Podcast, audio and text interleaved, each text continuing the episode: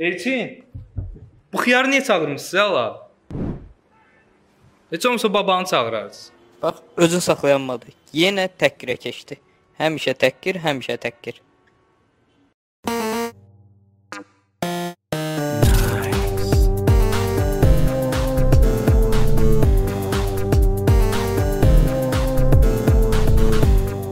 Bəli, əziz tamaşaçılar, Bunqakonun ikinci sezonuna xoş gəlmisiniz. Alqışlayaq.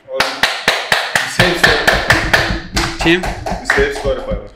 Ha, indi ona baxarlar. Mən ölüm qoy yerə. Hə, xoş gəlmisiniz. Təzədən gəlir, təzədən. Təzədən girək deyəndə biz Elə bir şey yoxdur, Elə başlamışıq. danışıq. Elə Levan şey. xoş gəlmisən. Dostumuzsan deyə elə bilməyisən burada bizim şey eləyir. Şeylər, fan fan. Bugünkü verilişimizin qonağı dostumuz Rəvan. Hə, Levan. Elə bildin təqdim eləyəcək, yaxşı eləyək. Xoş gəlmisən. Baltanın ssenaristi, rejissoru. Halfın prodyuseri. E, Dostumuz yaxşı. belə eləyək də, özü özünü təqdim eləsin bir dənə. Özünü təqdim et. Girmişik ürəyə yoxsa? Hə. Hə. Özümü Nizatın dostu Rəvan. Mənim dostum Rəvan. Bəli. Elin səsi yenə Gəl gəlmir ha. Bucaqdan danışaq. Sahil da, danışmır çünki. Hə, elə bildim. Bucaqdan başlayaq da danışaq. Eşidirsən bro mən? eşidirəm. Afişon. Davam edə bilərik. Amma səni görmürəm. Hə. Eee, bucaq haqqında danışaq, Levan. Bucaq niyə qutardı? Bir də niyə başlamışdı ümumiyyətlə? Biz bucağı niyə eləyirdik? Sən niyə belə bir animasiyaya başlamaq fikrinə qapıldın filan? O bucaq heç biz əslində video çəkmək istəyirdik, live action film çəkmək Hmm. istəyirdik. Gördük bacarmırıq. Əl atdıq proqramlara. Gördük ki, animasiya proqramları var, hansı ki, orada animasiya hazırlamaq olur. Ondan başladı. Çox adam elə bilir ki, baxmışıq, nə bilim, Family Guy-a, nə bilim, Bu-. BoJack Horseman-a falan, amma heç onda xəbərim yox idi onlardan. Yəni bucağın bu teması bir dəfə Rəvan demişdi ki, Əmrah masanın üstündə dərsdə imişlər universitetdə belə kvadratlar çəkirmiş, onlardan adam düzəldirmiş və nəsə də personaj çəkirmiş. Bu da personajları görüb xoşu gəlib deyib ki, yəni buna serial yazaq. Rəvan Əmrah bir yerdə oxuyub la. universitetdə. hə. Universitetdə yox, sinif yoldaşım olub. Əmrah 2-ci Ha. sinifdən bəri mənim sinif yoldaşım olub. Hə, Sonra elə bir yerdə qalmışıq. Sonra o Baltanın art direktoru, mən ssenarisi. Hmm. Özün işi var, yəni filmləri falan çəkdiyin var üçün amma xoşbəxtsən, yoxsa içində bu taxon başına tənqid atəşinə tutacam o. Multfilm çəkdiyin üçün xoşbəxtsən, yoxsa içində yenə də kiçik bir şey var, məsələn, e, ürəyində dedin ki, "Ə, mən multfilm çəkirəm. Bəs Mən hisslərimi bölüşməyə platforma lazımdır, yenə deyirəm. O da onu oynayır. də İndi şey deyirsənsə, bacarmıram, bacarsam deyərdim. Multfilmi bacarsan multfilmi ki- sən belə deyirsən, multfilm şey e, məni narahat eləmir. Ona görə tənqidlər. ona görə ki, Ona görə ki, multfilm sənə rahatdır. Səni tənqid eləyənləri xiyar deyib aradan çıxa bilirsən. Aradan çıxıram, desən- mən burada verişdə deyirəm də. İndi demək istədiyim başqa şeydir. Multfilm bu həyat çox pisdir da. Yəni cinayətlər olur, maşın vurur, adam Bəli. ölür, qan, nə bilim, içimiz iyrəncdir. Belə kəsirik baxırıq ki, içimizə iyrənc. Amma multfilm şirindir da. Yəni təmiz dünyadır da. Mən əslində rahatlıq verir. multfilmində baş personaj özünü damdan atır, Əzrail gəlir bunu qurtarır. Hamısı şirin Bu iyrənc şəkildə. deyil bu. Yo, hamısı şirin şəkildə. Dağılıb bağırsağı çölə çıxır. Ölümün nəyi şirindir? Hə.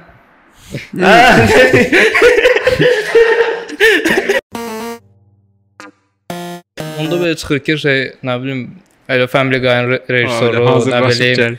BoJack Horseman-ın rejissoru, Simpsons-ın rejissoru film çəkə bilmirlər deyə, live action çəkə bilmirlər deyə animasiya çəkirlər. İkisi də fərqli bir şeydir. Birində canlı insan kütləsini, aktyoru idarə edirsən, birində isə Mənim sahəm animasiyadır da hələ ki.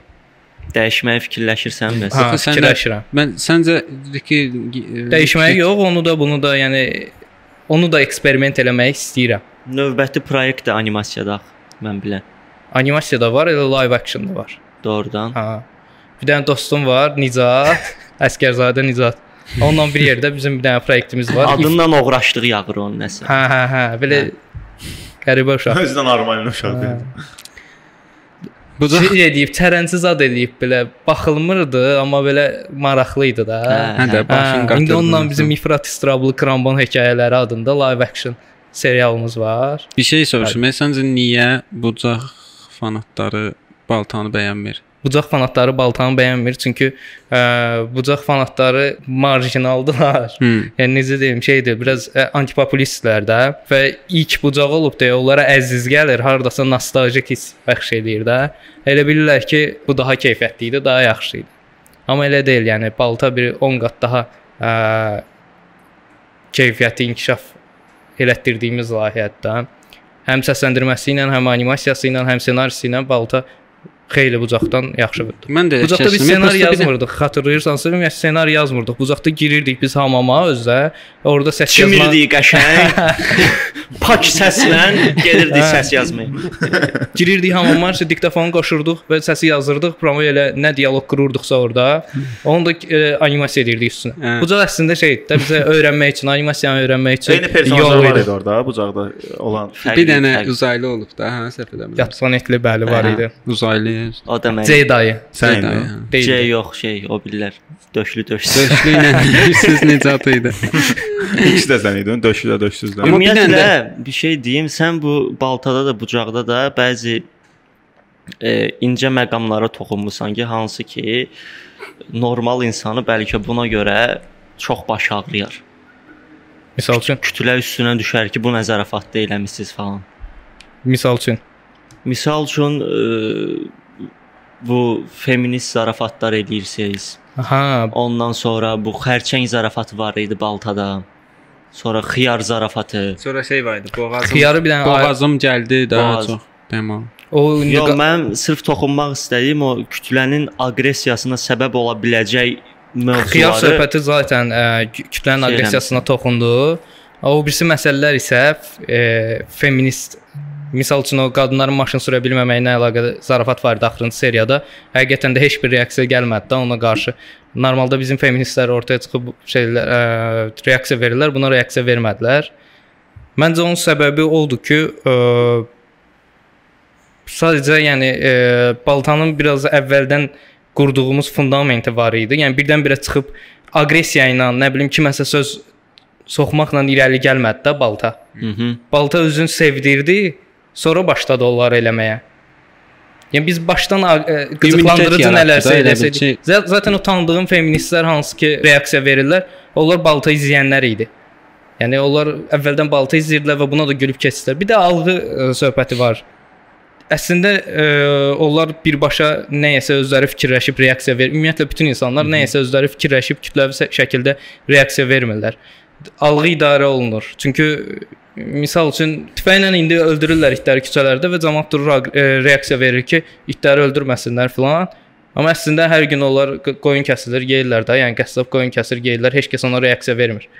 Daha Bəli. çox qoyun öldürülür də. Yəni itin qoyundan fərqi var nəsə. Yəni it də canlıdır, qoyun da canlıdır. İtlər insanların iki Ya o ya ikisi də narahat eləsin. Ümumiyyətlə sən. Qoyunlar bizə. ət qəbul eləmə, vegetarian ol, vegan ol ya da ki ikisinə də reaksiya okay. verməməlisən, yəni belə məntiqlə yanaşanda. Hmm. Amma immində ona reaksiya verməyi yenə şeydir. Alğı idarəçiliyi var ortada. Hmm. Çox intellektual danışdı. Ümumiyyətlə müəllif ə, bəyəm, məsələn sən müəllifsən də, Baltan müəllifsən, nəsə yaratmısan, sən ona açıqlama verməlisən. Onsuz da yəni kim nə götürdü onu götürür də. Yəni bu sən nə məncə borcunda deyil ki, məsələn sən açıqlama verəsən ki, mən bunu belə demək istəmişəm. Ola bilsin ki, 10 ildən sonra yəni belə demək istəməmisən, belə çıxıb, belə başa düşülüb. Nə deyir? Yəni bunun açıqlaması, yəni müəllif açıqlama verməli deyil də elədiyi şeyə görə. Məsəl üçün e, Don Quixote əsas Cervantes Don Quixote yazanda komediya kimi yazıb və hamıya deyib ki, bu komediya idi də, komediya əsəridir. 19-cu əsrdə bunu deyiblər ki, yox da, bu idealistin mübarizəsidir də, yox bu komediya deyil. Yəni müəllif deməli deyil də, yox. Bəs bu belə idi. Bir söz deyim, elə bir şey yoxdur. Cervantesdir, bu Rəvan Muradovdur. Ə, elə bir şey yoxdur. Ə, çünki istəyən adam, yəni yenə sən ona da qarışa bilməzsən. Müəllif istəyir açıqlama versin, verir də, yəni niyə elə bir qayda Ancaq- olsun ki, müəllif açıqlama verməz? Yox, bir 5 ildən sonra Vermək məcburiyyətində deyil də. Deyil, okey. İstəyən də verər də, yəni. Okay. Hər halda da o da onu deyir də, yəni. Əgər sən nədən söhbət edirsən? Tənqidlərdən söhbət Hə, edirsən. tənqidlərdən və məsəl üçün sən ə, məsəl üçün qadın obrazının az olmağı da baltada düzdür. Bunu sən bilərəkdən etmirsən məsələn, bildin necə? Qadın obrazının Hə. az olmağı. Bəli, hə. Hə, bilərəkdən etmirsən də, sadəcə belə düşünürsən deyə yazırsan və hamı deyir ki, ə, baltada qadın obrazı azdır, güclü qadın obrazı azdır və sən düşünürsən ki, yox da, yəni bu belə deyil də. Mən sadəcə ağlıma gəlməyib deyə yazmıram. Yox. Sonra 5 ildən sonra düşünə bilərsən ki, a doğrudan belə idi. Yəni mən Bu buna görə 5 belə. il sonra mən indi də düşünürəm ki, qadın obrazlarını mən yaxşı yaza bilmirəm. Onun üçün yazmamışam, yəni qadın obrazlarına güc verə bilmirəm. Çünki belə bir sözdür, mən yox, mənə elə gəlir ki, bütün dünyada belədir. Qəhrəmanlar adətən kişilər olur. Və sənin hekayən qəhrəman üzərindən gedirsə, sən məcbursan ki, o qəhrəmanı tutsun deyə, daha böyük imkanlara sahib olsun deyə kişi edəsən. Çünki kişilər də kişi qəhrəmana fanatlıq eləyir. Qadınlar da qadın e, qadın qəhrəmana yox, kişi qəhrəmana fanatlıq eləyirlər. Baş dəyişilir personajdan Dəyişir. gedir. Yo, yo, çox vaxt, çox vaxt ə, kişi qəhrəman obrazı kişi. Həyatda da belədir. Ə, kişi mühafizə eləyəcəyi qadını axtarır ki, hansı ki onu mühafizə eləsin, qoruya bilsin. Ona ləzzət eləyir ki, bir qadının qəhrəmanı olsun. Qadın da qəhrəmanı olası, onu mühafizə eləyəsi kişini axtarır. Yenə qəhrəman kişidir. Həyatda da Yo, ancaq hal-hazırda bunun təbliğatı tam başqa cür aparılır. Yəni o e, 100 ildən əvvəl çəkilən filmlərdə ki, onlarda tam kişi idisə, indi yəni biraz başqa cür çəkilir də. Yəni filmlər də, ssenarilərdə daha çox ə, qadın obrazını daha çox bərabərliyə, bərabərliyə görə yəni çalışırlar da ki, necə ki, yəni hamı deyir geylərin propaqandası apar- aparılır, qara dərilər də, ə, propaqandası aparılır ki, ancaq qara dərilər Okey, onsuz mən kütləvilikdən danışıram Hə, ki, böyük 99% belədir. Mən də o 9 99%-ə görə davranmışam belə çıxır. Yəni o 1%-dən deyiləm də hələ ki. Okey, ol nə vaxtsa olacaq yəqin ki, ə, kişi personaja yazmayacağam hekayə. Bir, bir dənə də ssenariyomda qadın personaj baş rolda olacaq. Amma inan ki, kişi personajın baş rolda olduğu proyekt daha çox tutacaq. Bəs bu proyektlərə başlamazdan əvvəl yəni baş daha doğrusu başlayanda və indi nələri qurban verdim bir yaradıcı insan olaraq? Dedinə kütləli kütləviliyə qaçmışam. Kütləvi iş görürsən. kütləviliyə qaçmaq, nələrsə qurban verib qaçmamışam. Deməli mənim üçün o qədər önəmli bir şey deyilmiş. Yəni ki, onu qurban vermişəm də, əgər nələrsə varsa.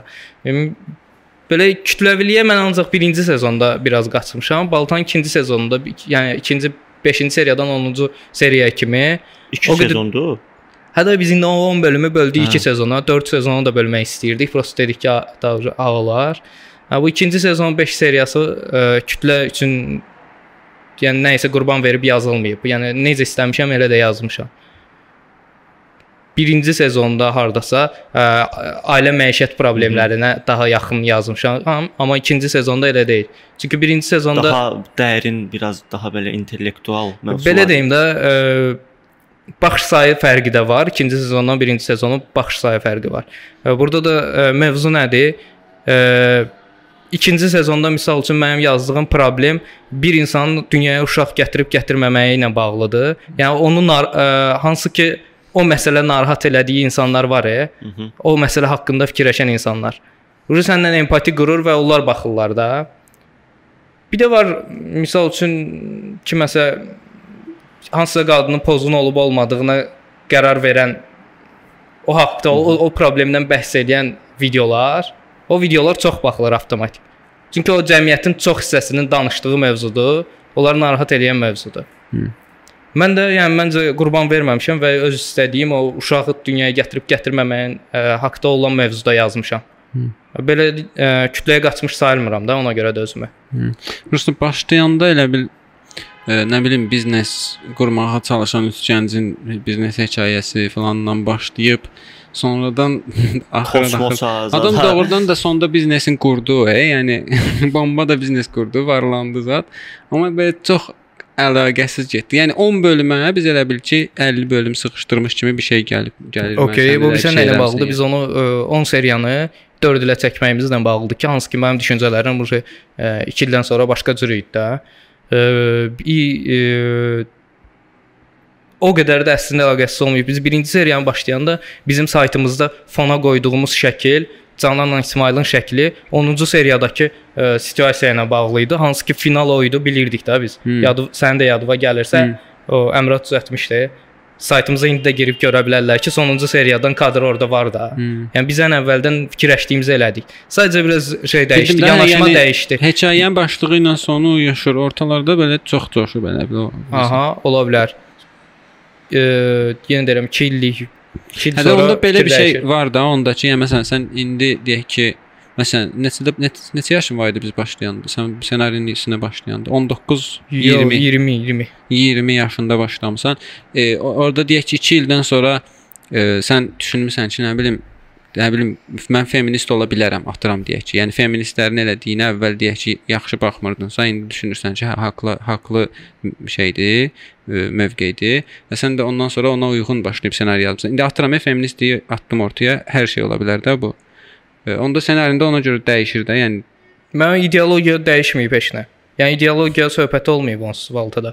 Mən feministlərə əgər zarafat eləmişəmsə belə orada maşın e, qadınların maşın sürə bilməməyi ilə bağlı zarafat eləmişəmsə, Hə. onu sadəcə gülmək üçün eləmişəm. Yəni mən əslində ə, 4 il əvvəl də yəni əslində feministlərə haqq verirdim. Hı. İndi də verirəm. Ə, çünki fikirləşəm ki, onlar ə, sıxılıbdı deyə, həqiqətən onlara əziyyət var deyə belə əks reaksiya gəlir də. Hə, onsuz da var, e, o faktdır da, onu şey qoyuruq qırağa. Prosta məsələ odur ki, səncə izləyici bunun fərqini başa düşür ki, sən orada ironiya ilə və sırf zarafat üçün eləyirsən bunu, yoxsa ideologiyaya konkret həmin ideologiyanın doğru olmadığını düşünərək bundan mırtdaşırsan. Bunu odur da söhbət. Elə bil- yəni onun izləyici onu başa düşmür. Ona özü bilməlidir. Yəni onun açıqlama verməyə izləyici ehtiyac. onu bilməlidir deyə bilmirəm, amma məncə böyük izləyici başa düşmür. Çoxluq elə bilir ki, həqiqətən cin, cinsiyyətçi zarafat eləyirəm və həqiqətən cinsiyyətçi Hə yəni sən özün də cinsiyyətçisən ki, Hə, belə zarafat Elə fikirləşirlər. Və çoxuna xoşuna gəlir bəlkə də yəni. Çoxundan onsuz da xoşuna gəlir. Amma onsuz Azərbaycanda çox adam Amma yəni misal üçün Qayriçinin axırıncı kinosunda irqçi zarafat eləməyi, Qayriçinin irqçi olmağı demək deyil də. Amma orada hamımız güldük də o zarafata. Hə, Orada orada Hə. daha da iksili şey eləyir axı. Deyir ki, sən Bir personaj irqçi zarafat eləyirdi avtomatik e, olaraq. Qara dərli Hə. şey mənasında. Məncə yox orada. Orada tam e, a, sırf elə yanaşır ki, bu irqçiliyə ki, yəni sən doğrudan da qara dərli eybəcərsən də başa düşdünüz. Bu sənə sən qara dərli sən deyə eybəcər demədi. Sən sadəcə qara dərli eybəcər. bizə deyir doğrudan da qadınlar maşın sürməkdə zəifdir da çoxluğu. Bu hal-hazırda faktdır. Hə, hə. də faktdır. o da faktdır da. Amma bu demək deyil ki, hamısı Pis. belə belə Bəs söhbət. e, bir də ki ən böyük Nəsə şey olmuşdu da söz-söhbət mənə yazmışdı homofob söhbətində. E, bir gey personajın öldürülməsi barəsində söz-söhbət olmuşdu. Öldürülmürdü.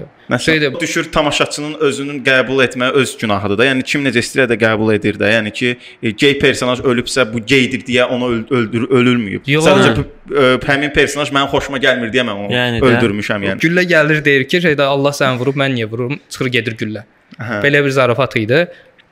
Heç o əks reaksiyona O əks- gəlmişdi, sonra şeyə gəlmişdi, boğazım gəldi zarafatına. Amma bilmirəm, mən heç o söhbəti mən yəni boğazım gəldi. Hə, iyrənc bir zarafatdır məncə. Məncə yəni. çox iyrənc. Heç yəni Masaya vurmalıdır. Ha, okey. Mən dedim ki, balaca boğaz göstərirsən gəlir. Heç nə baba baba personajı var. Baba personajı soyuq su içir və boğazı gəlir, qapı döyülür. Həqiqətən deyir boğazım gəldi, qapı döyülür, boğaz gəlir. İ bunu başlayır şillə vurur falan ki, və s- içmədə qlandaların şişir falan. İ-. Hə.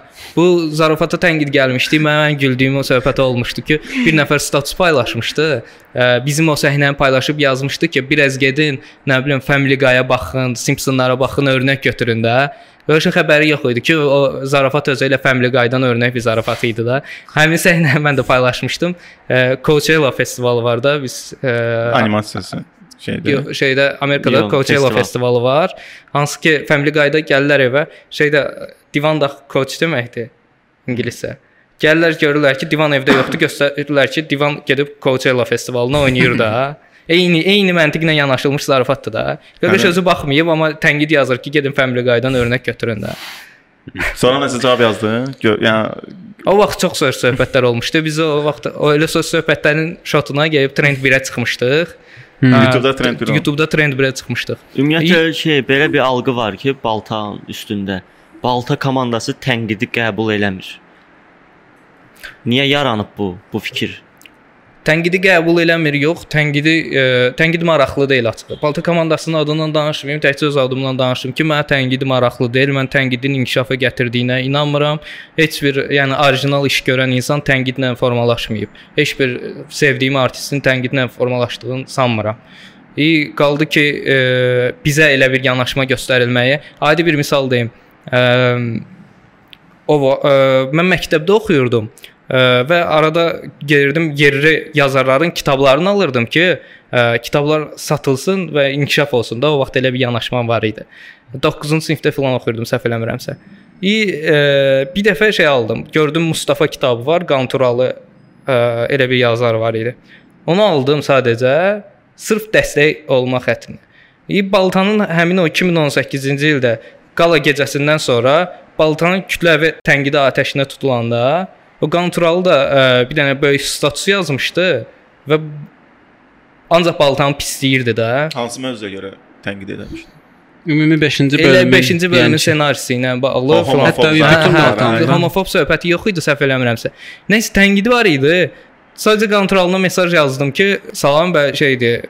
xo- Çox xoşməramlı bir mesaj yazdım. Qanturalı bəy. Hə, tam yadımda deyil, xoşməramlı bir mesaj yazdım və yazdım ki, ə, bundan sonrakı seriyalarda fikirlərinizi ə, mənə yazsaz ə, xoş olar. Çünki mən ma- həqiqətən də bəzi insanlar var ki, hə, həqiqətən sənətlə məşğul olan adamların fikirlərini qəbul edib onların üzərindən özümü inkişaf elətdirməyə fikirləşirdim o vaxt. Hı.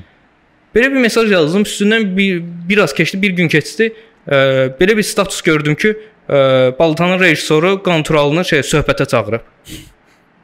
Belə-belə bizə Canon emblem effekti verməyə başladılar da. Başa düşürsüz? Kənan MM effekti. bir effekt var da şey. Yəni ölkə İyi yanaşma oldu ki, hə bunlar Canon MM kimi söhbətə çağırırlar falan. Təkcə o Qanturalı ilə başlamadı söhbət. Prosta onu örnək gətirirdim. Bu arada şey Bəs o məsələni kim yaydı ki? Qantral Qantral özü yayıb görəsən? Yəni Yo yo, ilə başlamayıb söhbət. Mən onu örnək gətirdim ki, sadəcə mən məktəb vaxtı belə fikirləşirdim ki, inkişaf olsun. Heç o kitabı oxu oxumadım da, prosta al aldım. Başa düşsən o Xeyr. inkişaf olsun deyə.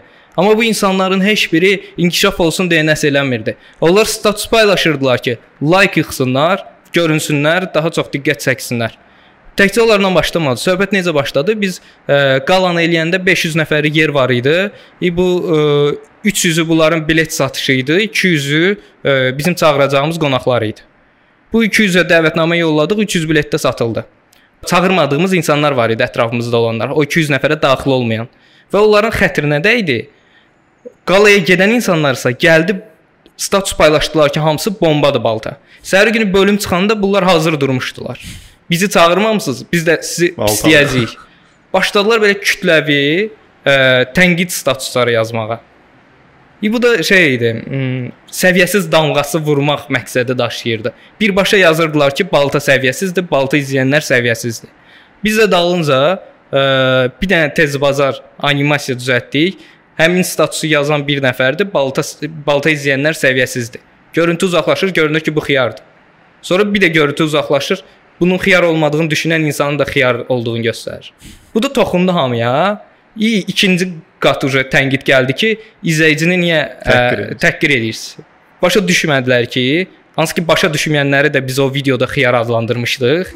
Başa düşmədilər ki, biz izləyicini təhqir eləmirik, nə də tənqidçini təhqir eləmirik. Biz balta izləyicisini səviyyəsiz adlandıranları təhqir elədik. Haqqımız var idi buna. Təhqirə təhqir. Onu demək istəyirəm ki, üstündən 2 il keçib və mən ə, hələ də onların eyni yanaşma, onlara eyni yanaşma ilə yəni baxıram da. Yəni yenə olsa yenə o animasiya xiyar söhbətini eləyərdim. Üstündən 2 il keçib dedin, yadıma düşdü. Üstündən illər keçib amma kiçik bir kütlə hələ də bucağın yeni bölümünü gözləyir. Hər yerə yazırlar. Halfın klipinin altına yazırlar. Nə bilim, Baltan finalına yazırlar ki, bucaq nə oldu, bucaq nə oldu. Bucağı yazırlar. Yəni bir çıxart axırıncı bölümünü hamı bilsin ki, bitdi, rahatlasınlar da. Niyə eləmirsən? az adamdır. bir də Amma bir şey kütləsi var da belə şirin kiçik loyal. şey bilmək olmaz da. Məsələn, ola bilər ki, lap 5-6 ildən sonra yəni bucaq başlayar da. Yəni niyə də ola bilər hə, Hə elə bir yəni şey ola bir- bilsin. Prosta belə bir şey var da. şey yoxdur ki, hə bucaq heç vaxt olmayacaq. Bucağı indi bir balta səviyyəsində eləsən, keyfiyyətin. Ümumiyyətlə mən elə gəlir ki, necə eləyiriksə eləyək, paylaşılanda altdan rəy gələcək ki, əvvəl kimi deyil. Hə. Mən buna inanıram. Amma ola bilər təzədən eləyərik.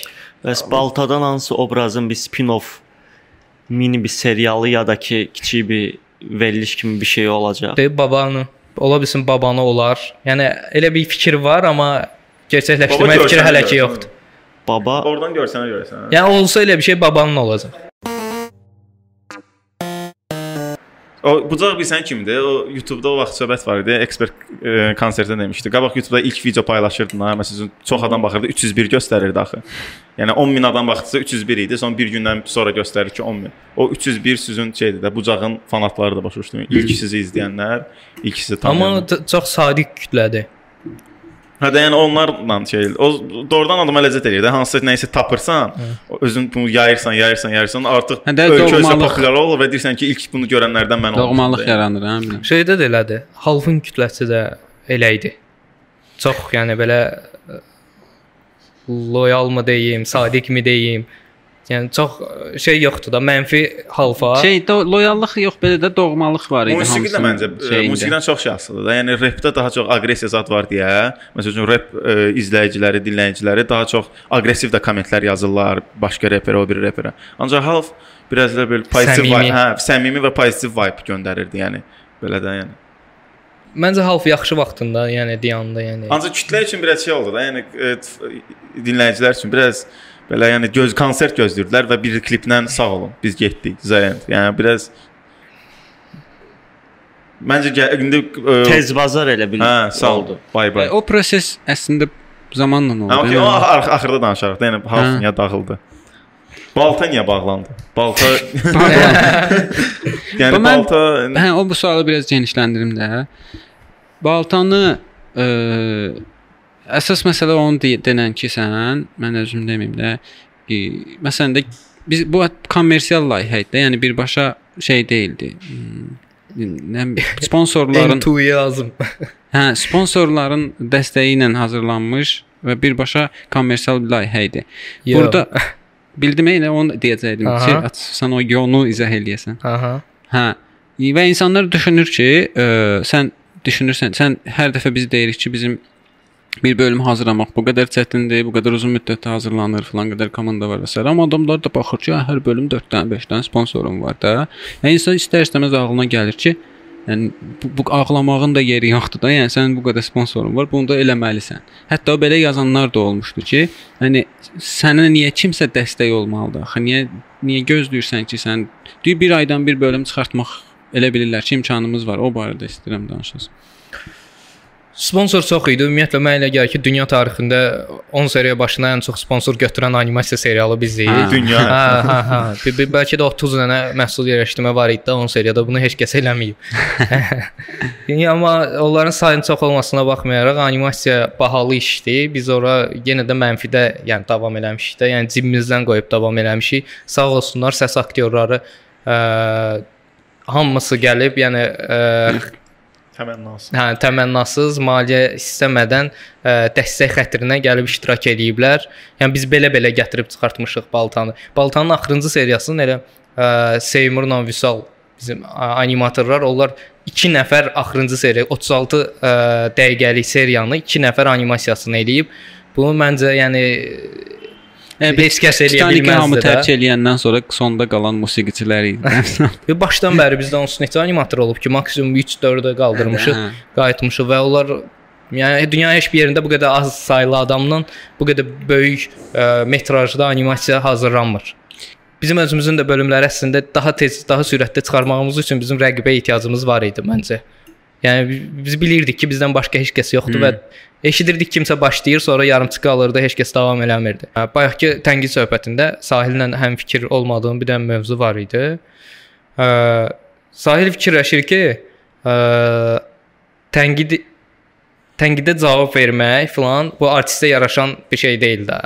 Və ya hansısa təhqirə cavab vermək filan. Özdə bunu animasiya ilə biz eləməyimiz Sahilin misalçı xoşuna gəlmir. Yox, Hə. yox, animasiya ilə daha da xoşuma gəlir. Həqiqi. Hə. Amma mən çox adamdan, çox ətrafımda adamdan eşitdim ki, Ancaq xiyar animasiyasını gərək eləməzdiniz. Amma yəni əgər mən və ya şeyi tənqid eləmişdilər ki, o sev ə, səviyyəsiz məşhurları girib avtomatla qırıl, qırğın səhnəsi var. Onu tənqid eləmişdilər ki, gərək eləməzdiniz hə. Hə. Əgər mən ə, yəni bunu da eləyə bilməyəcəmsə, Yəni incəsənət nədir? Yəni emosiyalarını, hansısa artistin emosiyalarını o o yolla, gördüyü iş yolu ilə nümayiş elətdirməsidir. Yəni mən istəyərdim ki, killer olum, onları həqiqətən gedim qırım, amma Bu bunu eləyə etirafdır bu. bilmədiyim üçün daha yaxşı bir yol seçmişəm, qanuni yol. Bunu öz animasiyamda eləmişəm. Və mənim ən təbii haqqımdır ki, mən emosiyalarımı orada dilə gətirim və öz ə, içimi soyudum da. Ya bunu elədiyimə görə də heç kim mənə deyə bilməz ki, hə bu qayda ə, rejissor olmağın qaydasında yoxdur. Onsuz rejissor olma iddiam yoxdur. Prosta baltanın rejissorluğunu eləmişəm. belə bir şey deyə bilməzlər. Yəni dövlət televiziyasında Yox, filan gedən bir şey də deyil ki. Pis e, bunun məsələn baltaya baxan kütlə var. Məsəl üçün ya bu tərəfdən yanaşaqda baltaya 1000 nəfər baxır və orada sən göstərirsən ki, yəni başa kimsə belə başa düşür də. Məsəl üçün gay pisdir. Bu gay pisdir, başa düşdün? Bu həmin 1000 nəfərin arasında 200 nəfər də belə fikir düşər ki, doğrudan da bu gay pisdir, gay yəni də yəni kim öz kim kimlə yatır özü bilər də, başa düşdün? Məncə bu sən sən bu fikir arasında mən heç vaxt orada Hə, ə, və bu, bu, Homofob- homofob hə, zarafat eləməmişəm. Hə, bu tərəfdən tən, tənqidlər gələ bilər və cavabı gəlməyib bizə elə bir dəfə olubdu. Yəni bir bir nəfər olubdu, vəsə. Bizdə yəni heç vaxt ho homofob söhbətlər olmayıbdı. Təsadüfən o səviyyəsizlərdən biri, hansı ki onu personajını orada göstərmişdik, o adam həm də geydir. Amma onu gey olduğunu yenə Gentleman filmindəki kimi qayriçin. Onu gey olduğu üçün təhqir eləməmişik. Onun səviyyəsiz olduğu üçün təhqir eləmişik. Məsəl üçün Tarantino bir dənə e, Trier bir dənə film çəksin, Aha. çəkib məsələn, Trier hamı tənqid eləsin. Trier heç vaxt çıxıb bu şey eləməzdi. Yəni özün ay can insanlar, ey xalq, siz məni səhv baş, ey fransız xalqı, ey ispan xalqı, siz məni səhv Yəni biz də elə eləmədik ki. ninfomanlar. Biz demədik ki, ey insanlar siz bizi səhv başa düşdünüz. Ha dedik ki, siz xiyarsınız. Yəni bu qədər. Ha onlar təhqir elədi. Biz də incəsənət yolu ilə təhqir elədik Yox, bu biraz və bundan razı. fərd olaraq Yaxşı, sən ikinci məsələ də mənim xoşuma gəlməyən məsələ sırazı ə, hansısa Amerika artistlərindən şeydir, əsaslanma göstə gözləməkdir. Yəni misal üçün mən qayıdıb deyəndə ki, hə Tarantino bir dəfə eləmiş olsaydı bu şeyi, mən deyəndə, hə Tarantino eləyibsə okeydir. Belə söhbət yoxdur, Trier eləyibsə okeydir. Yəni, burada var münasibət yox, söhbət e, şey münasibət söhbət gedir də, e, konfliktə baxış bucağı. Yəni bu bütün insanlarda eynidir də. Yəni e, Tarantino da kimsə gəlib şillə vura bilər. Səncə Amerikadakı o hörmət elədiyin rejissorlardan kiminsə başına bu hadisə gəlməyib, kimsə dönüb cavab verməyib indiyənə kimi. Yox, olub. Yəni prosta nümunə tapmaq lazımdır ki, burada o- nümunəni desəm, Tarantino eləyib də, yəni özü. Mən Tarantino şeydir, Bruce Lee-ni axırıncı Hə, dip Once zor Upon a Time eləmişəm in də, Ho- dip zor eləmişəm. Hə də o Hə də yəni dip ki, yəni mən Bruce-ni belə görürdüm və belə. Şudur, yəni biz də eynisini eləmişdik Hə də. də yəni mən demirəm ki, siz səhv eləmisiniz. O şeylə sırf multi e, əli bir masaya vurmur. Amma o Sən bayaqdan qoyursan, tamaşaçısına eləməyib də, bir şey deməyib. Bruce Lee eləyib. O eləməyib, biz eləmişdik Bruce, o konkret Bruce-dan Biz ailəsi tamaşaçımıza eləməmişik, biz tə, bizi təhqir eləyənə, bizim izləyicimizi təhqir eləyənə eləmişik. Yəni De, Məsələ budur ki, o izləyici başa düşmədi də, elə algı başa düşdülər ki, başa sən düşən başa düşdü, deyirsən. izləyicilər başa düşdü. Əsl olmayanlar başa düşmədisə, onlara da cavab bonus var idi həmin videoda. Bruce Lee e, Tarantino yaxşı filmi səncə? Maraqlısı budur ki, şeydir. E, Yaxşı. siz başa düşmüşdünüz hamınız. İndi özünüzü başa düşməmiş kimi aparırsınız ki, burada Mübahisə. getsin, hə? Əslində hamısını Hə, danışmışıq da Əslində bunları. hamımız bir yerdə eləmişdik. Tamam. İçində sən də var idin, Nicat Elçi, sən də var idin. Belə baxanda Sahil də var idi. Mən bilirdim mövzunu. Tarantino yaxşı filmi Dəvam. Belə məncə axırıncı kinosudur. Hollywood, e, var. Hollywood. Mən Tarantinodan zəhləm yer. Heç sevmirəm. Mən o Qayri rejissor. Çiçiyəm. Qayri Çiçi. Yo, yo, Ga- Garici ilə Tarantino-nu müqayisə etmək biraz şeydir. Ga- Niyə eyni kateqoriyada çəkirlər? O gün Qayri Çiçi arada kino tənqidçisi var idi. Danışdı çox qəşəng bir e, deyir e, Tarantino kino industrisiyasına dəyişdi. Garici heç vaxt bunu et, e- etməyib etməyəcək də. Yəni Pulp. Fiction-a belə deyirəm, ucuba belə şey. Pulp Fiction-a, yəni kriminal işçi, yəni o kino industriyasını dəyişdi də, yəni e, o dövrdə fərqli filmləri birləşdirdi, fərqli personajlar, yəni o, o dövrə kimi o o, o film çıxmaya kimi belə bir söhbət olmamışdı. Ancaq elə bil bir dənə personaj var, e, kişi götürür, nə idi o person- personajın adı? Oradan o, oradan ət tapır, buradan ət tapır, tok vurur, dirilir. Frankenstein. Frankenstein. Oradan ət tapır, buradan ət tapır, tapır, deyilir Frankenstein. Və e, deyir e, Tarantino Hollywoodun o personajıdır da. Yəni oradan buradan yığılmış bir rejissorudur. E, e, ən zə yəni axırıncı filmindəki yəni e, Polanski söhbəti bilirsən də o söhbəti. Polanski Mən o ləzzət eləmişdi. Hə, Necə oynadı. dəyişdi də. Söhbəti bilən adamlara çox ləzzət elədi ki, axırda tarixi məzələnib də. Hə, Yəni. və e, hippi bir də bir söhbət var da ümumiyyətlə e, Charles Manson'un söhbəti. Hə. Charles Manson 70 60-cı illəri öldürüb. Yəni Amerikada olan 60 Amerikanın ən bomba illəri 60-cı illər olub hippi dövrü. Hamı Nirvana'ya çatıb, Nirvana qrupu Pink Floyd dövrü və e, Char- Charles Manson həmin dövrü öldürdü də, yəni 68-ci ildə Polanski'nin hamilə arvadının və Nirvana 60-lar deyil Allah, nə Nə yaxşı. səbəb Nirvana? 90, 80, 90. 90-ın axırı. Mən siz onda yanıldım. mən. Tarantino görsən gedilər hippiləri elə göstərirlər ki, qaqaş döyür bizə ləzzət eləyir də hippiləri döymək. hə, burada indi biz şeydir nəsə gey zad elə söhbət eləsək, sırazı tənqid atəşə gələcək. Bundan illər öncə bucağı başlamasaydın, indi Rəvan Muradov harda olardı, nə edərdi? Səndə çünki o vibe sezirəm ki, sən yəni bir incəsənət eşqi ilə başlamamısan da bu işlərə. Elə bil demisən ki, hətta həqiqətən belə olub. Demisən ki, animasiya yoxdur sektorda, dava animasiya eləyək.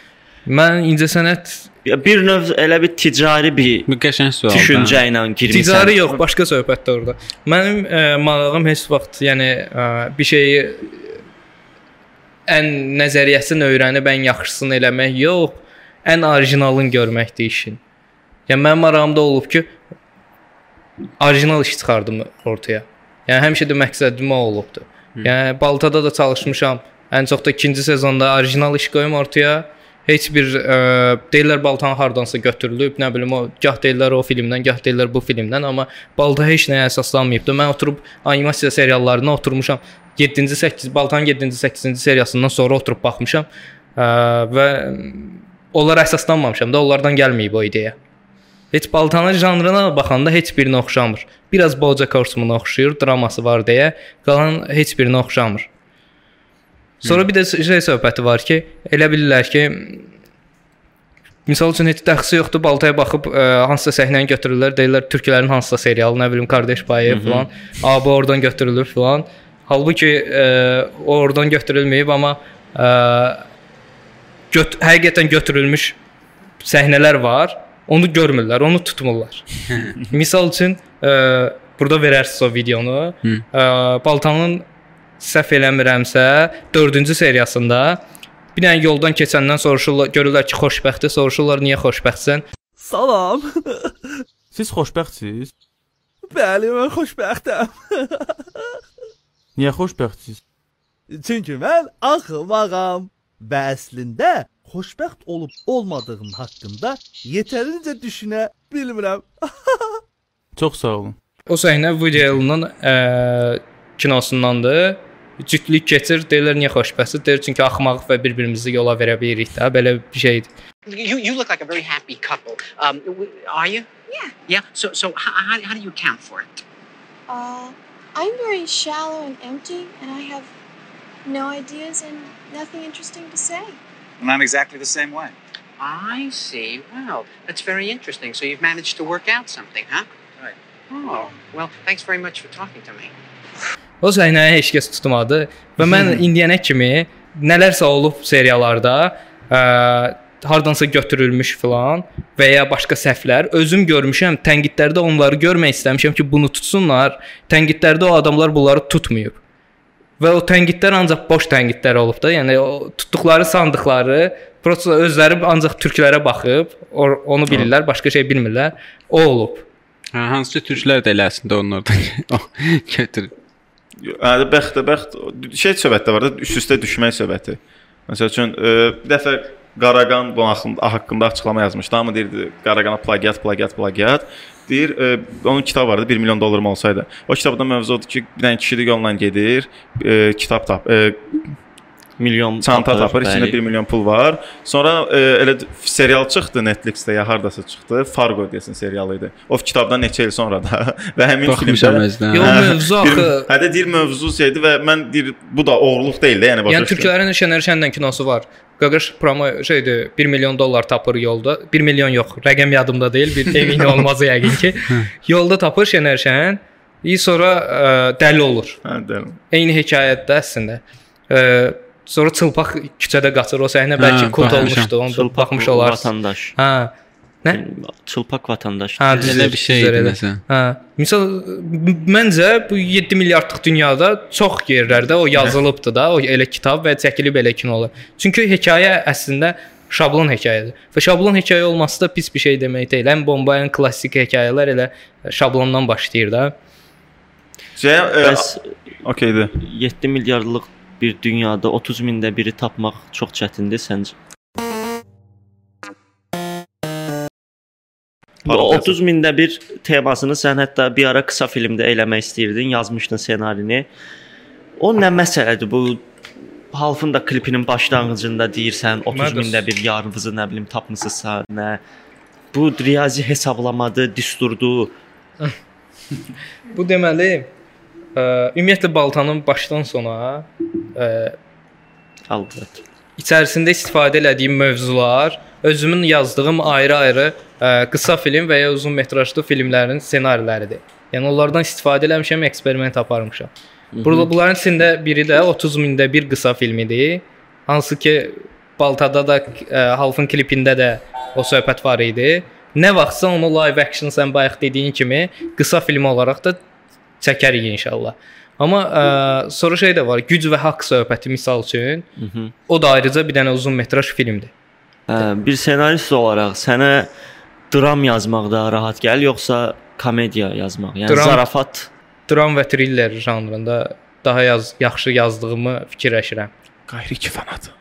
Qayriçi də hə bəyənirəm. amma balta da bucaqda komediya idi də belə baxanda. çünki o, o kateqoriyanın istifadə edirdin. Yox. O kateqoriyanın, yəni animasiya 2D Mhm. animasiya cizgi filminin serialının teması ancaq sitcom olmalı idi. Amma Baltanın ikinci sezonu get-gedə dram və thrillerə çevrilir də, ara-ara zarafatlar olsa da. O janr əslində tam dəqiq yoxdur Baltanın. Balta əslində sitcom kimi başlayıb və sitcom kimi də başlamalı. Olub belə seri- Mən serial. BoJack Horseman Bir serial tam dram olsun.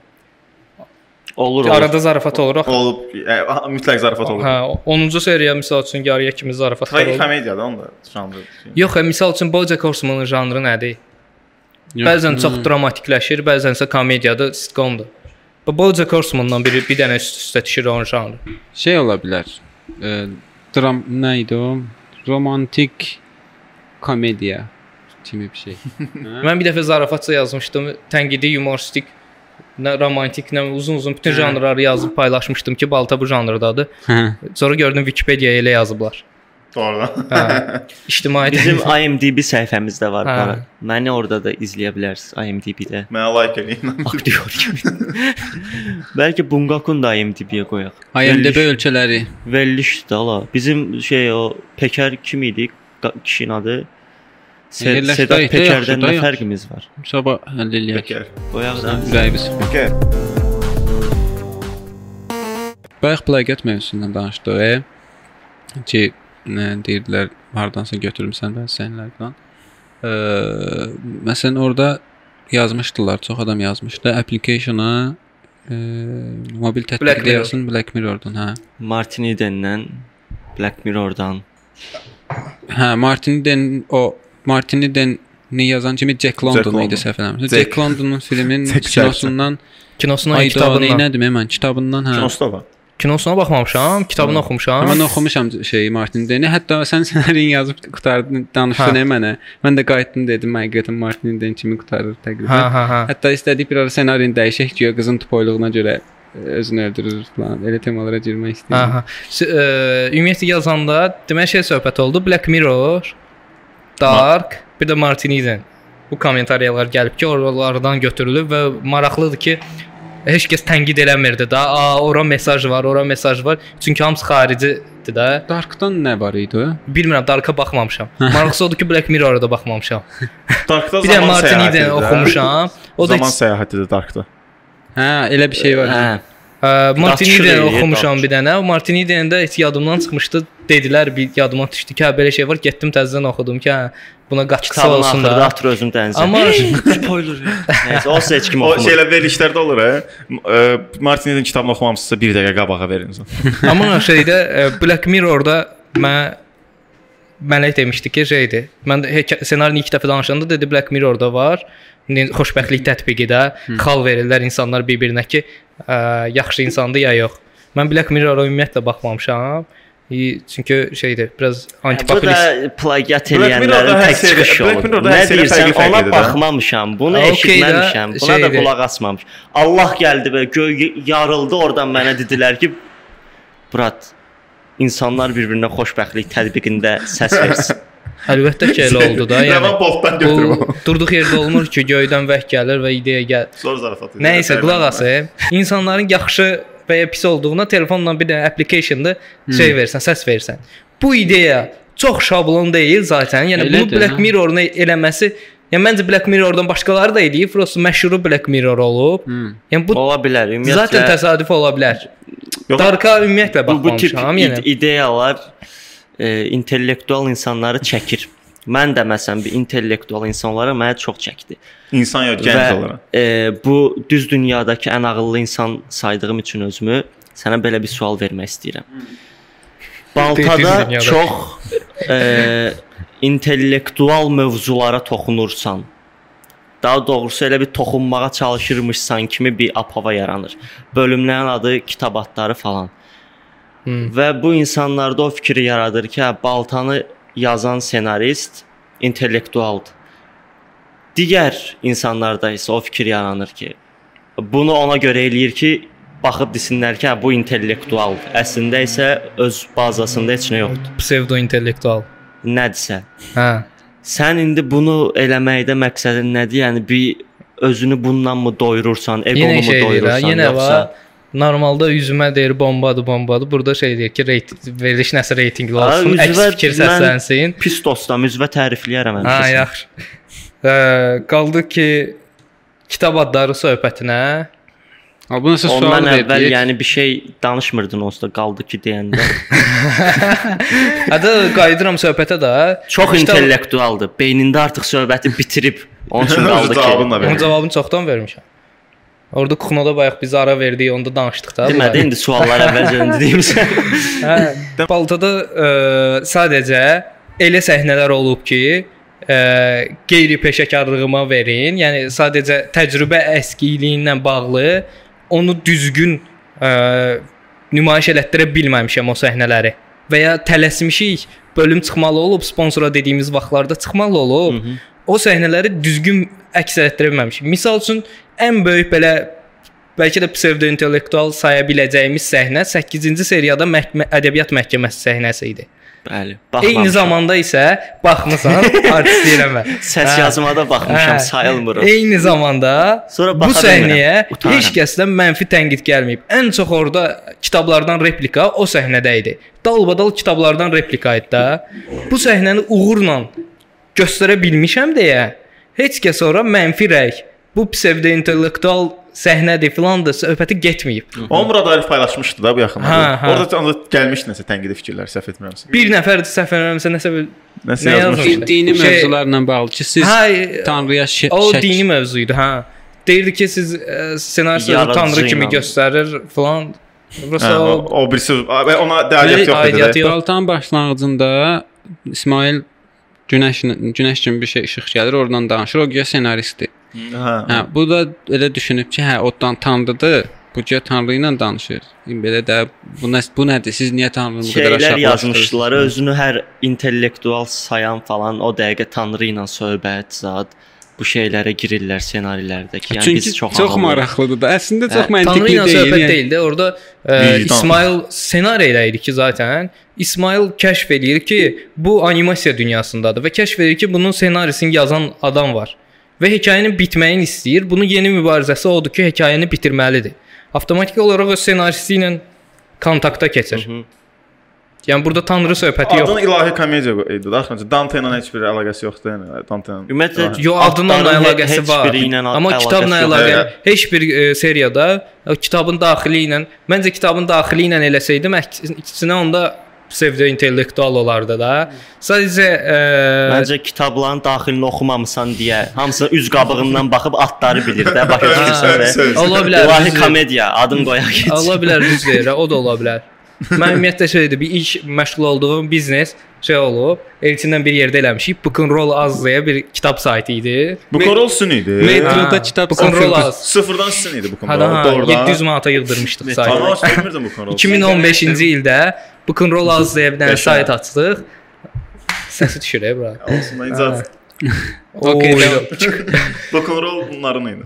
Aha. Ha bu kitab dəyişmə platforması idi, həm də kitab satışı idi də. Bilirdim İlk dəfə idi belə bir şey. Girdin, vururdun ki, Dante'nin ilahi komediyası məndə də var. Kimsə sənə təklif eləyirdi ki, başqa kitabını dəyişsin filan.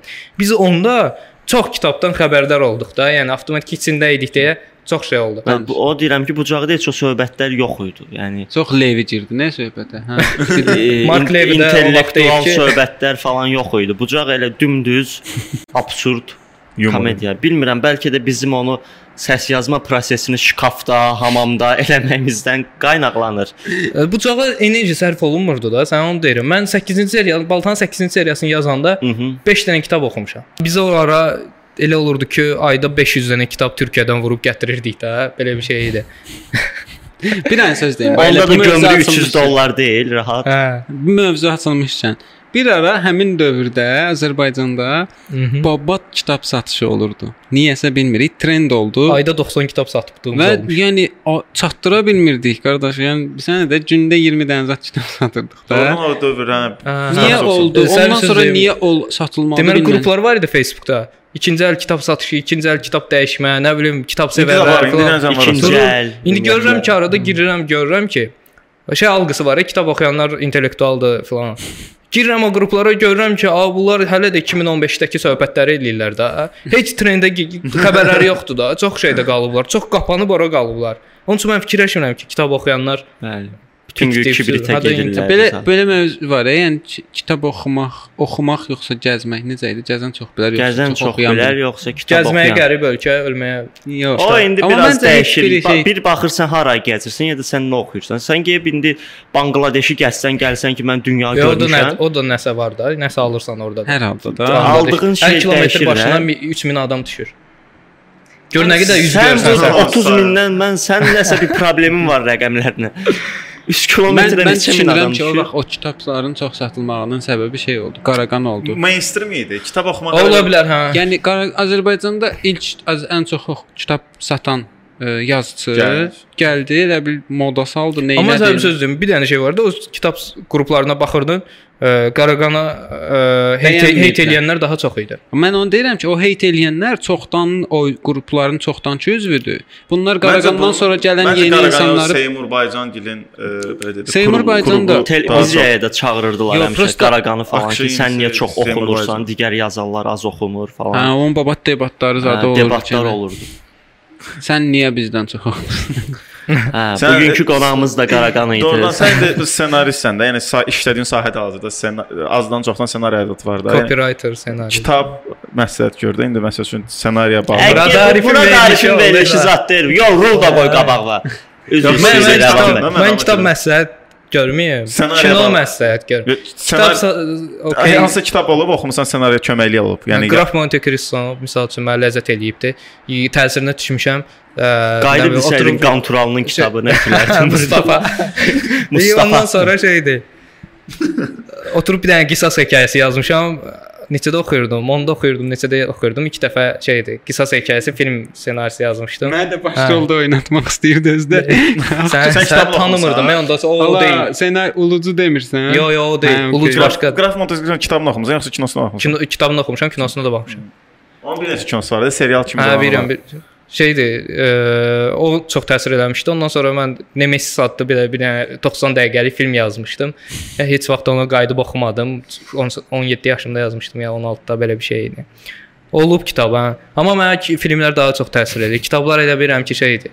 Ə, daha çox vaxt Vaxt- alır və daha az şey verir. Şey, Mən əsəbləşdiyim müqayisədə kitabla filmin müqayisəsidir. O kitab sevərlər qruplarında həmişə deyirlər ki, ay filmlər aşağıdır, kitablar yuxarıdır filan.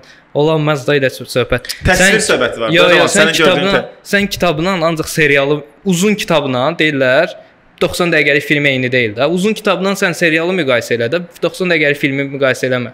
Ha şey nədir? Ecəl. Garcia Marquez'in ki- kitabları ilə Fərqli səhifələr. şeydir, seriallar. Yo, bana bir sən Braziliya serialları keyfiyyətliləri də var.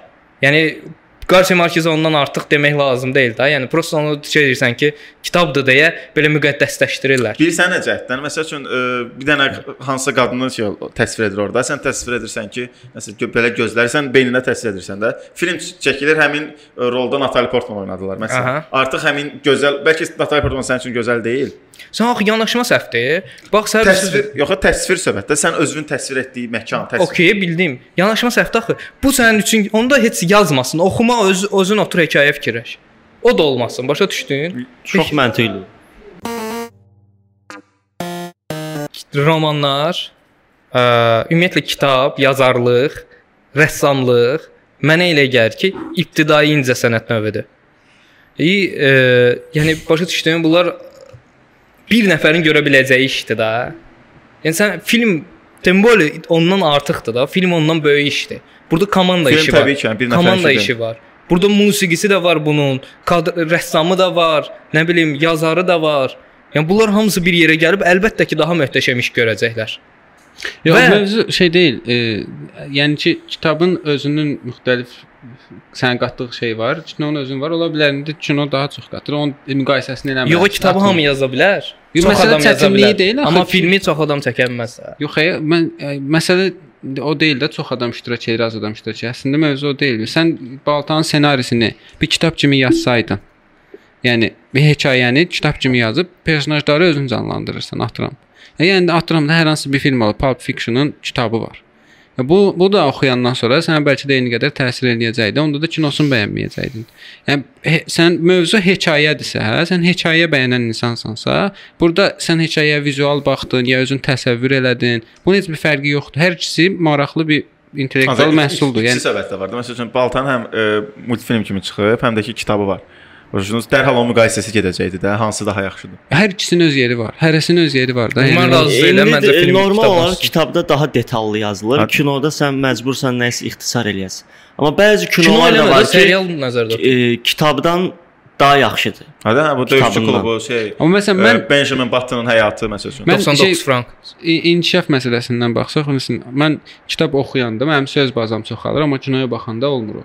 Yəni amma kinoya baxanda da mənim vizual e, təsəvvürüm yaxşı formalaşır. O da ki- kitabda olmur. Belə-belə fərqləri var da, hərəsinin öz qatdığı Bir şey də var. hiss söhbəti var da. E, Məsəl üçün sən oxuyanda baş personajın yaşadığı hissləri oxuyursan və özünü o istərsəməz yaşamağa çalışırsan da. Yəni adi hər şey. Ancaq kinoda aktyor bunu sadəcə göstərir. Sən eləyirsən, mən eləyirəm. Aktyorun e, oynadığı rol. Yəni mən o yerinə özümü qoyuram. Hamı özü öz yerinə qoyur orada. Yəni də Ha, hamımız təbii ki, ən azı bir dəfə də olsa. Titanikdə özümüzü cəbin yerinə qoymuşuq da. Silə maşın səhnəsində. Maşın. Kate Winslet'ə dirəmiş yəni gəmidə. Sayıl orada da şoferin yerinə qoymuşdu özünü. Qoydu o şofer. Ya mən bizən kimi idim. Bu məsələ də Mən bizən kimi idim orada. Skripka çalan qaqaş. Axırda gəlib. bəlgəydim. Qaydı. Tamaşaçıların sualları var Rəvan sənə. Mən onları səsləndirmək istəyirəm. Aha. Birinci sual. Ee, Baltadakı personajların burnu niyə qırmızıdır? Bu Əmrahın fikri idi. Hı hı. Baltanın art direktoru, hansı ki personajların hamısını o çəkibdi. Yəni o qırmızı burun harda görsəz, ağlınıza balta gələcək. Elə bir kult yaratmaqdır məqsəd. Hı -hı.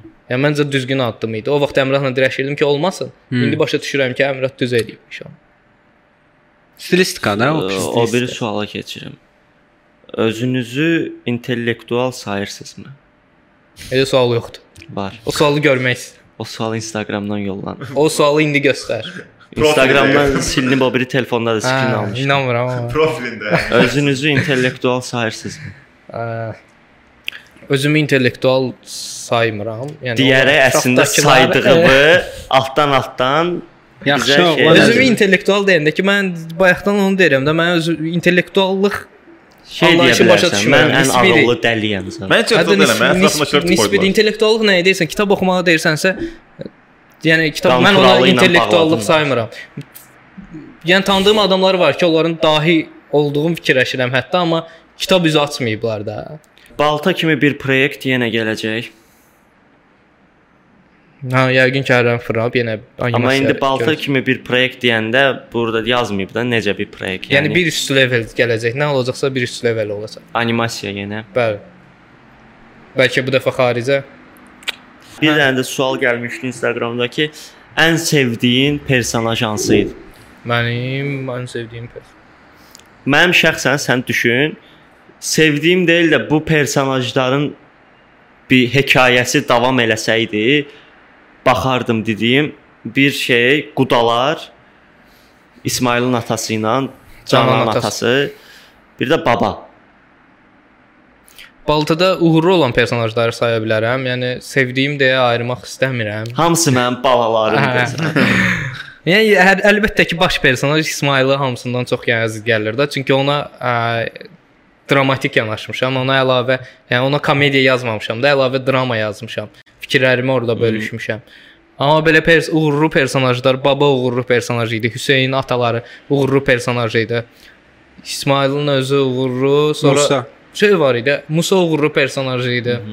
Ə, həkim personajı var idi. Əlxan gəldi partlatdı. 2 seriya oldu həkim personajı, amma çox uğurlu personaj idi. Ayrıca spin-offu çəkilə bilər də həkimin pulunu. Mən şey Əzrail, Əzrail də bomba. Ha. Bir də şey Erkinin səsləndirdiyi. Erkin Əzraillə bir də partlamış. Zaman bəy də uğurlu idi əslində. Zaman bəy də uğurlu idi, amma. Zaman bəy biraz mənim özümdə ona görə xoşuma gəlmir ki, Zaman bəy şeydir. Ə, biraz standart personajdır da. Yəni baxırsan həmişə elm adamı var da. Hı. Yəni bir dənə Rick and Morty-də də əslində o qədər gözə çıxan, çarpan amma Futurama var, orada da var. Hansı ki ə, elə yadıma düşmüşkən şey deyim. Ə, Baltan 7-ci seriyasında Back to the Future-dən. Hə, Baltan 7-ci seriyasında baba ilə Musa gəlib özlərindən başqa bir ə, həyatdakı yerlərinə keçmişdilər. Başqa bir paralel dünyadakı yerlərinə keçmişdilər. Buna görə də belə bir tənqid atəşi Rick gəlmişdi and ki, Morty-dən. Rick and Morty. Ha, prosta ki, məsələ odur ki, ə, Rick and Morty-dən 4 il qabaq bunu Futurama eynisini eləyib. Futuramada gəlirlər ə, təyyarə ilə düşürlər özlərinin üstünə öldürürlər, keçirlər yerlərinə. Uh-oh, this new universe is about 10 feet lower than our old one. Rick and Morty bunu 4 il sonra eləyib, Rick and Morty heç kəsə heç nə demir. Balta eləyəndə deyirlər Rick and Morty-dən götürdü. Halbuki bunu Futurama birinci eləyib. Bunu da bölüşmək istədim. Bəs aktyorlarla ən məsələn indi səsləndirən aktyorlar oldu da. Ən möhtəşəmi kim idi? Belə rahat işlədiyin. Ən möhtəşəmi. Belə həm səs cəhətdən, həm oyna o Gəldi tap tap tap yazdı getdi. Öz uşaqlarımızı saymayım, Hə, öz yəni dostlarımızı saymayım. Ə, gələnlər yəni içərisində o Əlixan dediyim kimi gəldi promoyu partlatdı. Erkin nə qədər personaj səsləndirib. Baltada e, rekord Erkindədir də. axırda özü də o Çox hə. Hər iki mənada rekord deyir, Hə, hə. də rekord deyir. Erkin çox personaj səsləndirib. Sonra şeydir. Ə, kim ya? Nihat elə, Nihat Qulamzadə. Nihat çox Səmaya, Hə, Nihat ikilisi. Səmaya bütün qadın personajlarını götürdü elədi. Son Yəni, bölümlərdə Başdan elə səmayədir bə. Yo, Yo, yo, sonra da ikinci bölümdə. sezonda yəni 3-4 dənə qadın personajı səsləndirir. Okaber Okaber Bab Babəki qəşəng səsləndirmişdi. Bir dəfə səsləndirdi, hə, qəşəng səsləndirdi. O normalda da elə danışır deyə çox Hə, elə vermədi. o qədər oldu. Elvin İbra Musanı Elvin eləmişdi. İbra, hə, Musa personajı Elvinə oturmuşdu da, yəni. Ya da əksinə. El, Elvin Musaya oturmuşdu. Elvin normalda Musad. Ya 100 min səbət alacaqdı X-lə Oka. Hə, Kesin. o bizim aramızda olub, o sonra ssenari dəyişib olmayıb. Olsaydı zor olardı. Hə, ola bilərdi, prosta nə bilim. Xəyali dünyada da, Hə. bir fikirləş şey eləyirik də. Ondan sonra yaxşı, bir olan hamını çıxardırıq. Sən fikirləş birinci e, variantında ssenarinin, Baltanın 10-cu seriyasının birinci variantında e, bir bir il bundan qabaq yazmışdım. Qarabağ alınırdı. Yəni başa düşürsən? Müharibə zad başlamamışdı falan. İndi o seriyada nəsə dünya bütün sərhədsizləşir, sonra təzədən sərhədlər qoyulur, Qarabağı götürürük də. Belə bir səhnə var idi. İndi necəsə oldu, sonra müharibə başladı, Qarabağı həqiqi aldılar. Ssenarini tamamilə oturdum, dəyişdim də, yəni 10-cu serial. Kaş ki başqa şey yazardım da deyə bilmədim. e. Yəni bomba kimi. Bunlar haqqında nəsə yaz da. Ə, bəs gələcək indi deyirsən proyekt olacaq animasiya falan. Bu sastavdan səsləndirmə aktyorlarından kimlə yenidən işləmək istəyərdin? Nicat gözlə ki, Nicat əgər. Gələcək yəqin ki xarici olacaq, Azərbaycanca olmayacaq, ingiliscə olacaq. It's okay, you know. ə, Ya sən bu gün verdiyin suallardan, sən bu gün verdiyin suallardan itirmisən onsuz. Niyə mən verilişimi düşünürəm? Mən verilişimi düşünürəm. Sən bu gün burada qonaqsan. Yes, mən baltada gəlib narahatçılıq yaradıram. Yox, deyirsən necə meymun səsi çıxar, çıxarım. Demirəm ki, mən niyə meymun səsi. bu adam getdim, ilk özdə bu açıqlayım burada. İsmail mən olacaqdım. Gəldim səsimi də yazdıq. Sonra dedi gəl sən İsmailin dostu ol, Çingiz. Dedim okey, Çingiz də pis deyil. Baxdım ki, hə, Çingiz yanbayan, 3 dost. Serial yəqin belə gedər. Baş personajlardan biri mənəm. İkinci bölüm Çingiz yoxdur. Mən hiss eləməli idim birinci bölümdə meymunu dedi ki, meymunu səsləndir. Heç nə də meymundan Putinə doğru gəldik. Putin də partlatdın axırda, axırdan axıra. Amma mən Nicatı tutmamışam ə, səs. Mən Yox, delisən sən. səsimi Necə mən o gün şey kafedə bir barista tut tutdu. Necə sevindim ki, ilk dəfədir kimsə bildi ki, mən baltada səsləndirmə edirəm. Doğrudan şəhərdə tanımaq olur, mən tanıyırlar, ya, baltanı yazan qaqaş, baltanın rejissorudur. Yox, prosta olub ki, skameykada oturmuşuq. Eşitmişik ki, qonşu skameykada baltadan söhbət gedir. Half da olub çox, çox. Nə bilim, publardan girirsən, halfın mansın. Paylaşılan gün əsasda elə bir oxuyur. paylaşılan gün olur, e, onda çıxırıq çölə. Görürsən ki, hə danışırlar da haqqında. Yoxsa- 5-ci söhbət seriyada, yoxdur da. 5-ci seriyada biz tənqid o atəşində tutulduğumuz vaxtlar. Hayır. Onda hə, gedirdin hər yerdə. Bir də 1-ci seriyada anam anam söhbəti var idi. Anam anam ditdi. ditdi. O zarafat O bir hamı oxuyurdu. Girirdin kafeyə hamı oxuyurdu da. Brat, bir də o, bizim ofis open office idi BBF-də. Orada kimsə otururdu arxa kompüterdə baltaya baxıb gülürdü. Biz də bölümü 5 dəqiqə əvvəl paylaşmışıq da başın üstünə. Xəbəri yoxdur ki, burada bölümü biz Siz paylaş. paylaşırsınız. Ondan bir də desəydi ki, bir qaqaş olaraq baxımıza verib baxar. Bəlkə də çoxdan baxmışıq. Half haqqına keçək, half mövzusu. Keçək. Axır ki mən bu sualı bayaqdan verirəm, deyirsiniz axıra saxlayaq, cəmaət də gözləyir. E, half uğurlu başladı, uğurlu da davam elədi. E, bir izləyici tərəfdən mən indi danışım.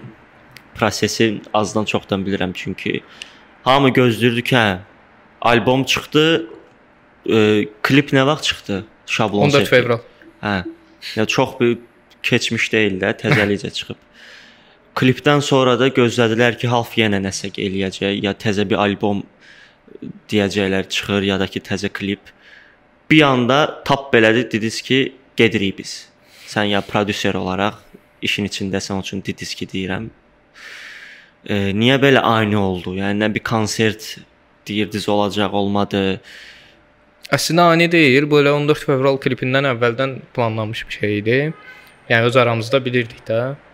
Hə, biz ümumiyyətlə şeylə başlamamışıq da, baxmayaraq ki, elə kommentariyalar gəlir, nə bilim, başqa qruplar falan çıxır, görürsən ki, belə o fikirdədilər ki, "A, biz Azərbaycan rockunu inkişaf elətdirəcəyik, biz Azərbaycan musiqisini inkişaf elətdirəcəyik." Yəni biz elə ideyalarla başlamamışıq və sevinirəm ki, də elə ideyalarla başlamamışıq da.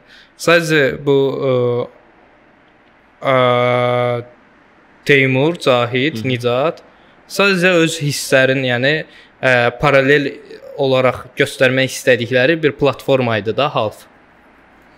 Göstərdilər. Yəni bir yerdə göstərəcəkləri bitdi. Yəni bu demək deyil ki, amma bitdi da ümumiyyətlə bu. Solo karyera. Yəni solo karyeraları davam eləyir.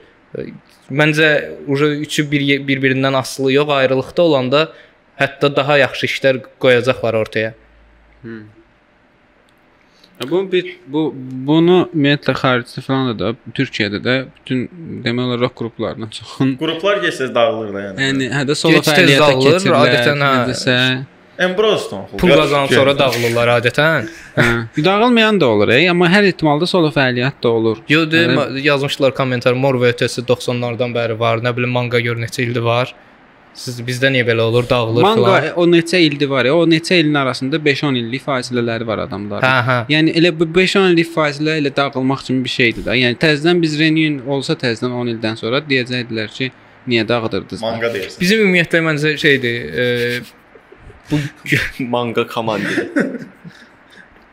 bizim indiyənə e, ümumiyyətlə gördüyümüz işlər e, indiyənə kimi bu il bitirdik də bütün işlərimizi. Hı -hı. Ə, Köhnə. Hə, köhnə işlərimiz 2017-də falan başlayıb bu işlər hansı ki, ə, məktəb dövründən, uşaqlığımızdan xəyalın qurduğumuz, planladığımız işlər idi və gerçəkləşdirdik hamısını. Məncə bitirdik. Mən hə, fikirləşirəm ki, indi biz uje başqa bir levelə keçirik və indən belə görəcəyimiz işlər uje həmin o məktəb vaxtı planladığımız işlər deyil, yeni beyinlə görəcəyimiz işlərdir. İçində Və qorxu daha- yoxdur bəs. Məsələn, Half da getdi, Balta da getdi.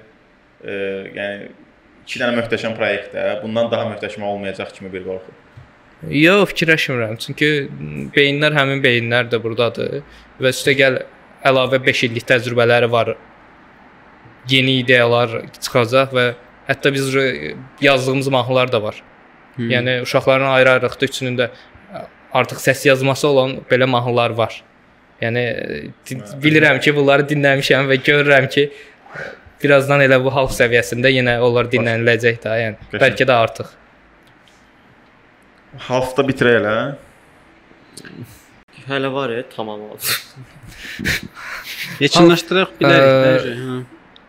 Ayağım deyil. O arada mıncıqlayır adam. Xoşuna gələn qonağı. Biz niyə konsert eləmədik? Bir də onu mən deyim, sən Sən denən. Mən deyim də Hə, onda ki, konsert biraz əslində çox belə güclü həvəslənmişdik. E, başda yadıma gəlir biz ara bir ara getdik məkanlar filan axtarırdıq. Pandemiyadan əvvəl sən ola bilər hə. Yəni çox yerə nəm hər şey demək olar araşdırdıq ki, asta-asta prosesə başlayaq da necəsə konsert olmalıdır son ənində sonda. Söhbət hətta elektro halldan belə. Yəni də o elektrosundan tutmuş hədə çox yerdə. Əminəm ki, hədə minimum 500 adam gələcəkdi o konsertə də. Çünki elə yəni albomun qiyməti 15 manat idi. Albomun təkcə deyirəm təqdimatda 150-dən satdıqsa, bunun özü böyük şeydir. Çünki xaricdən, burdan hər yerdən sifarişlər oldu. Çox böyük kütlə var. Konsertə də gələcəkdilər, amma orada hazırlaşan momentdə biz planlayırdıq ki, nə vaxt eləyək, araya pandemiya girdi, nə bilim müharibə girdi, çox şey oldu deyə. Ondan sonra da bir təzədən bir- buna bir həvəs də qalmadı. Çünki uşaqlar hərəsinin öz mahnıları var idi, özlərinin başlamışdı. Bir də bizdə əslində dediyim kimi biz buna ə, elə uşaqlar da təsdiqləyir. Yəni əsas iş kimi girişməmişik də. Yəni bunu yenə deyirəm, hisslərimizi prosta göstərmək üçün, yəni bir ehtiyac olur platformaya, onu yaratmışdıq. Bizim misal üçün half qrupu heç vaxt gedib publarda oxuyur. Bizim mahnıları publarda oxuyurlar, amma bizimkilər heç vaxt çıx çıxmayıb. Pul qarşılığında mənim elə bundan bir neçə gün qabaq dalbadal 3 dənə toya təklif aldılar ki, half qrupu gəlsin oxusun. Hələ elan eləməmişdik də halfın bitdiyi. Hə. Yəni hansı pul olur olsun dəyişmir də. Uşaqların onsuz da özlərindən məşğul olduqları iş var və istəmədilər və ə, iştirak eləmədilər də. Bəs sən razı salsaydın, səncə bu daha da sıx eləməzdi, yəni ortada pul söhbəti varsa. Məsəl üçün həmin üçlük təzədən getdi toya və müəyyən Onu demək istəyirəm ki, bizi hafta nə birləşdirən pul deyildi. Nə də bizi birləşdirən hansısa məqs şey bir də ila ilahi məqsəd də yox idi. Bizi birləşdirən yenə deyirəm platforma idi. Mən özüm yenə məktəb dövründən falan istəyirdim ki, musiqinin içində olum, musiqini çox dinləyirdim, amma musiqi bacarmırdım eləməyi. Və onu seçdim ki, musiqi Prodüser. prodüserlik eləyim. Və təsadüfən Zahid Teymur və Nicatla ayrı-ayrılıqda tanışlığım var deyə bir yerə gəlib elə bu işi gördük. Necəsə oldu bu işi orijinal demirəm, amma professional keyfiyyətdə gördük. Biz professional görmədik. Amma orijinal görə bildik deyə cəmaət bəyəndi, paylaşdı, sevdi və onlara əziz gəldi. Digərləri bu qədər baxılmadı, sevilmədi ona görə ki, onlar orijinal yanaşma qoymurdular. Onlar ya nəyisə cavanlıq aqressiyası ilə sübut eləməyə çalışırdılar, ya da ki, pul da Daha- azıq. daha- Hətta sən o var, idi. uşaq var. Türkiyədə o danışdı. Bir də o Türkiyədəki əhvalatı danışdı. Gözəl notlarda bitirək. Deməli bir dəfə e, Türkiyədə saat 10-dan sonra ya 12-dən sonra idi. Pivə satılmır da. E, bir e, küçədə idim Kadıköydə. Bir dənə qızın əlində pivə var idi. Yaxınlaşdım dedim pivəni hardan ala bilərəm? Yəqin ki, bu alıbsa aparsa açıq var da. Bu da çıxıb verdi ki, götür. Dedim çox sağ ol. Səsimin tonundan başa düşdü ki, Azərbaycanlıyam. Dedi, Azərsən? Dedim, hə. Şeydir, yo Azərbaycan türküz. dedi, Hamımız dedim, türküz. Dedim, hə, dedi ki, şeydir. Sizdə bir qrup var. Belə dedi, mən nə fikirləşdim ki, bu half desə zor olar da, yəni. Embrazers. Hə, Amma deməyəcək də bilirəm. Hə. Qayıtdı ki, Ey gözəl adlı şarkısı varsa, hə, dedim half, hə. Başladı söhbət eləməyə ki, mən elə fanatıyam, belə fanatıyam. Dedin qrupun bəs prodüseri. Hə, dedim. Əlbəttə ki. İyi sonra şeydir. Bu dedi ki, 90 sən milyonluq demə bu musiqi oxuyurmuş 90 İzmitdə. Hə, musiqi oxuyurmuş və bunun müəllimi gəlibdi, sinifdə hamıya göstəribdi ki, bax belə bir Azərbaycanlı qrupu var. Hə, Siz onlar kimi Ey olmayın. gözəli, hə. Qız qayıdıb ki, ha, bravo ver. Mən prodüseram. İyi belə. Prodüser Ben İyi prodüktör. şeydir. Bildim ki, bu söhbətə danışsam sonra inanılmayacaq mənə. Qıza dedim ki, bir dənə oxu çəkim də sən. Səhəri günü idi. Qıza prosta şeydi. Həmin günün səhəri günü idi. Axşam nə oldu bəs o pivəni alanda zət? Yo, onu O arada bir zaman etkisi var, tamam. Axşam pivə axtarırdın, qızı Yo, gördün. Dostlaşdıq. Ə, Səhərəcən bilirdim. İndi də tanışdığımız var da, yəni əlaqə var. Hə, iyi şeydir. Səhər dəniz qırağında videosunu çəkdim, oxudu da. Var o video indi. Dostlarla. Ha, video indi payla, də bir dənə. Doğrudan verərsiniz.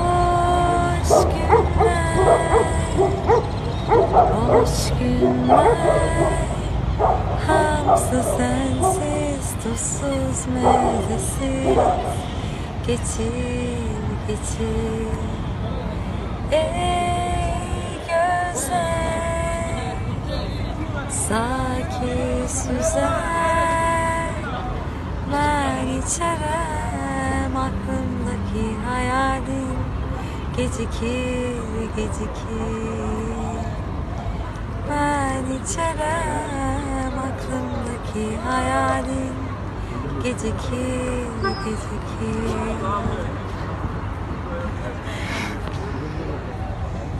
Ha, okey. Axırda verərik də elə. Məncə. Hə, hə, elə axırda onu da verərik. Davay Nəysə, yekunlaşdıraq. uşaqlar. yekunlaşdıraq. Sonda onu da Məncə- deyək ki, e, half solo karyerasına davam eləyir. Uşaqlar ümidvarıq və inanırıq, əminik ki, çox uğur qazanacaqlar solo halında da və e, onları da burada qonaq görəcəksiniz. Bir də ki, e, əsas yəni halfdan balta biraz gündəmdə idi danışdıq. Əslində çox şeydən danışa bilərdik də. O Əslində bir çox proyekt var. Yeni 2-3 ay sonra Rəvan yenə gözləyir. Nə vaxtsa hə, qonaq əsirliyi olanda. Bir də ki, mən mm, ə, heç nə, yəni bunlar hə. Dünyada sonuncu qalmış Azərbaycanlı haqqında bir dənə proyekt var. Ha. Spoiler verir. Sağollaşıram. Sağ olun. Sən Azərbaycana lazımsan amma. Bungaku Bu arada bizi davam edəcək. bizi Google Podcast və digər podcast applicationlarından dinləməyi və subscribe olmağı da Bir şeydir. bir şahin Bu arada burdan demək istəyirəm ki, icazənizlə şeydir. Biz Elşadla podkast eləyəcəyik. Elşad Ha, Xulsay. gəldim görüm burada vəziyyət yaxşıdırsa, aparıcı kimi orada Elşadla Hə, Rəvanla Öz podkastımız. podkastı özə olacaq. buradan paralel eləyəcəyik deyim. Adı paraleldir. Burada çəkirlər. Yəni bu test idi əslində. Rəvan testə gəlmiş Rəvan necə olur? mikrofon arxasında. necə hissi. Bizə Ona görə qonaq çağırdıq ki, sabah bir gün podkast eləyəndə deyək ki, kim olmusan ki, bizim podkastda çıxmısan da. Okay, indi kim olmusan? Bizim aşağıladın. bir, e, köhnə podkastımızı göstərib onu deyərəm. Elşadla biz düz 1 il əvvəl podkast eləmişdik. Instagram. Instagramda. Yox, YouTube-da. Canlı özü qrafika falan promo ekrana veririk. Mən, Amma ne- mən necə- yenə oradaydım mən. Ha. Ya hara getsəm mən oradayam Rəvan. Elşad idi, Sabir idi, mən idim. Nəysə. Nədə dünyadakı ilk podkast edən bizik demirik. O iddia elədi, Yəni- mən də onun iddiasına qarşılıq olaraq bunu dedim. Bu Amma ortada niyəsə Bungakon videoları var, sizin Hala podkastın bağlayın videosu bunları yox. onsuz da qoymayacağıq montajda. Sirin çıxın durun. Sən özünü yığışdır. Mən özümü yığışdırmıram. sən Sən tənqid qəbul qonaq gəlmisən, Sən tənqid qəbul Qonaq eləyəmirsən. gəlmisən. Ay brat, bu mövzunun verilişi heç bir aidiyyatı yoxdur. Gəncdə başqa yerdə eləyərsən söhbəti. Bildim ya. Bungakı da bundan sonra nicah dövr başlayır. Qonaqlar, qorxun məndən. Valla bu mən niyə qaratmağa çalışıram? Apaq yeyi. Niyə əsəbləşsən bura?